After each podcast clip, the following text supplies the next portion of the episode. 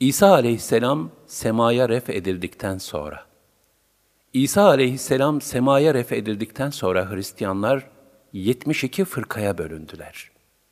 Teslis akidesi ortaya çıktı. Hristiyanların Yakubiye fırkası, Allah İsa'ya hulul etti, onun bedeninde şekillendi ve onun şeklinde göründü. Yani Allah İsa'dır dediler. Bu görüş Hint felsefesinden gelmektedir. Kudüs, Hint medeniyetiyle Roma'nın daima tesiri altındaydı. Hint felsefesine göre Allah dünyaya indi, bir anne ve babadan doğmuş olan Krishna'ya hülul etti. Bu şekilde Krishna yaratıcı oldu, Allah oldu. Oysa Kur'an-ı Kerim'de şöyle buyurulur. Andolsun ki Allah kesinlikle Meryem oğlu Mesih'tir diyenler kafir olmuşlardır. Halbuki Mesih, ey İsrailoğulları, Rabbim ve Rabbiniz olan Allah'a kulluk ediniz. Biliniz ki kim Allah'a ortak koşarsa, muhakkak Allah ona cenneti haram kılar. Artık onun yeri ateştir ve zalimler için yardımcılar yoktur demişti. El-Maide 72 Meryem oğlu Mesih ancak bir Resuldür. Ondan önce de birçok Resuller gelip geçmiştir. Anası da çok doğru bir kadındır. Her ikisi de yemek yerlerdi. Bak onlara delilleri nasıl açıklıyoruz.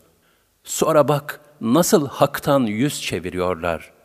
El-Maide 75 Bu ayeti kerimelerde Cenab-ı Hak tamamen şirkten ibaret olan teslis akidesinin batıllığını ifade buyurmaktadır. İsa aleyhisselamın göğe kaldırılmasından sonra teşekkül eden 72 fırka, ana hatlarıyla üç kısma ayrılır. 1- İsa aramızda Allah'tı, şimdi gitti diyenler. 2. İsa Allah'ın oğluydu, şimdi gitti diyenler. Ve 3. İsa aleyhisselam Allah'ın kulu ve Resulüdür.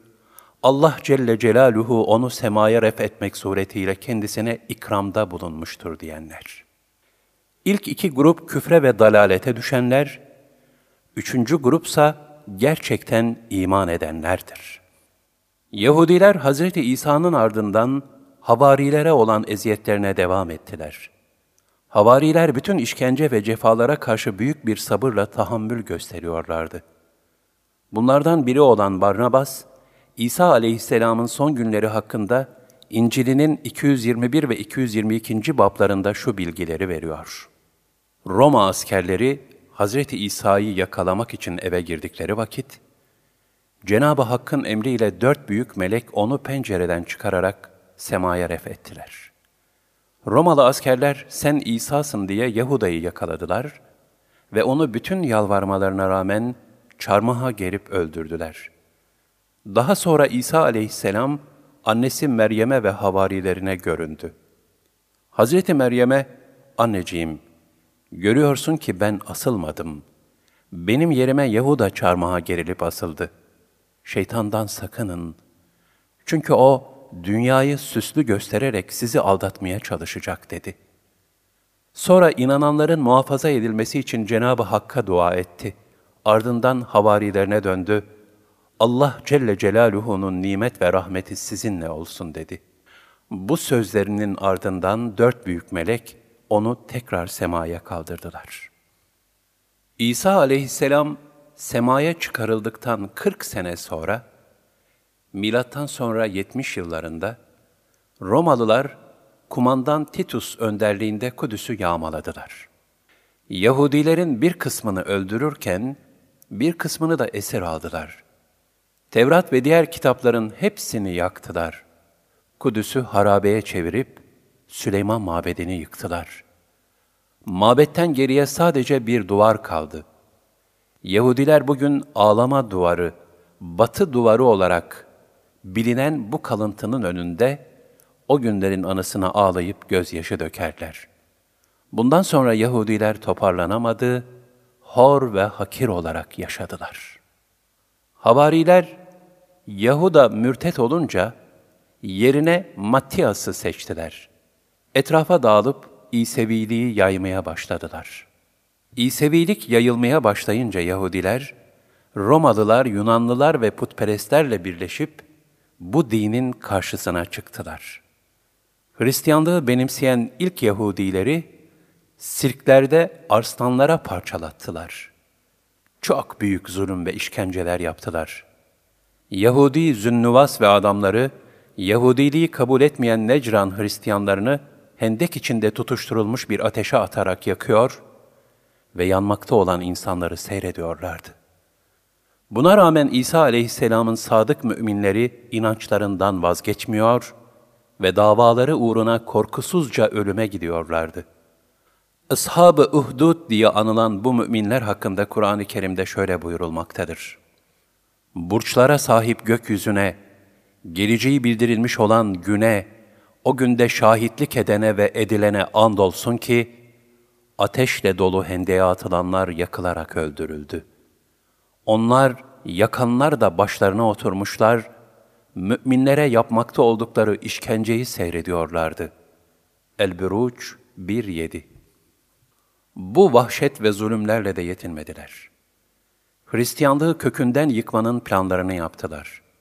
Bolus ya da diğer bir ifadeyle Pavlos adlı bir Yahudi, kendi yalanlarını da katarak muhtelif risaleler yazdı.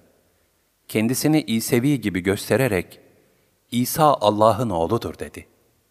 Şarabın ve domuzun helal olduğunu, cumartesi gününün yasaklarına uymanın ve sünnet olmanın gereksiz olduğunu söyledi. Böylece Hz. Musa'nın şeriatinde bulunan emir ve nehilere uymaya gerek olmadığını bildirdi. Sadece imanın yeterli olduğunu, amele gerek kalmadığını söyledi. Halbuki Hz. İsa, Hz. Musa'nın şeriatı üzere amel etmişti. Nitekim İncil'de Hz. İsa'ya izafe edilen bir sözde, Sanmayın ki ben şeriatı veya peygamberleri yıkmaya geldim. Ben yıkmaya değil, fakat tamamlamaya geldim. Matta 5 bölü 17 ifadeleri yer almaktadır. Bundan dolayı Hz. İsa aleyhisselam hayatı boyunca Yahudi mabetlerinde ibadet etmiş, sünnet olmuş, şarap içmekten, domuz eti yemekten sakınmış ve sakındırmıştır. Pavlos ve arkadaşları ise ne Hazreti İsa ne de Allah Teala kendilerine böyle bir yetki vermediği halde bu yasakları meşrulaştırarak dini tahrif etmişler ve Hristiyanlığı nefsani arzularına göre şekillendirmeye çalışmışlardır. Pavlos, Allah birdir, sıfatı üçtür diyordu. Dini Eflatun'un felsefesiyle telif ediyordu. Eflatun'un felsefesi kısaca şudur. 1. Görünmeyen yaratıcı ilah. 2. İlahın görünen ve bilinen veziri, yardımcısı olan logos yani mantık. 3. Görünen ve bilinen kainat. Pavlos da Hristiyanlığın uluhiyet inancını şu şekilde düzenledi. 1. Allah 2. Oğlu İsa 3. Ruhül Kudüs Böylece Hristiyanlığa bugünkü testis inancı girmiş oldu. O zamanki şartlar da buna müsaitti. Zira halk taassupları sebebiyle Yahudilikten hoşlanmıyordu. Bu yeni testis inancını ise atalarından devraldıkları çok tanrılı inanca daha yakın buluyorlardı. Bundan sonra Hristiyanlar ikiye ayrıldı. Bir, Bolüsçüler, Pavlosçular. Kendilerine inanan krallar oldu. Bu sebeple kuvvetlendiler. İsa aleyhisselamın semaya ref edilmesinden sonra Hristiyan olduğunu söyleyen Pavlos, bu yeni dini asli inancından uzaklaştırarak teslise dayalı bir inanç sistemine dönüştürdü. Daha sonra bugünkü İncil'lerin önemli bir kısmını oluşturan ve ilk dört İncil'e de kaynaklık edecek olan 14 değişik risale yazdı. Bunlar Hristiyanlığın kutsal metinlerinde dört İncil gibi önemlidir. 2. Barnabasçılar, İsa aleyhisselam insandır, bir peygamberdir. Ona asla tapılmaz diyorlardı. Ayrıca Havari Yakub'un başkanlığındaki Ebiyonitler de bu gruba dahil olup aynı inancı savunuyorlardı. Bunlar kendilerini destekleyen krallar olmadığı için zayıf duruma düştüler. Diğer taraftan Pavlosçuların düşmanca tavırları her geçen gün artmakta ve Barnabasçıları eritmekteydi.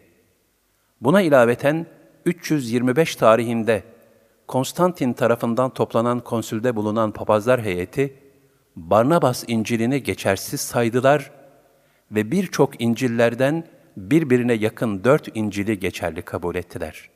Bunlar Luka, Yohanna, Markos ve Matta'dır. Bu dört İncil'in dışında kalan İncil'ler imha edildi.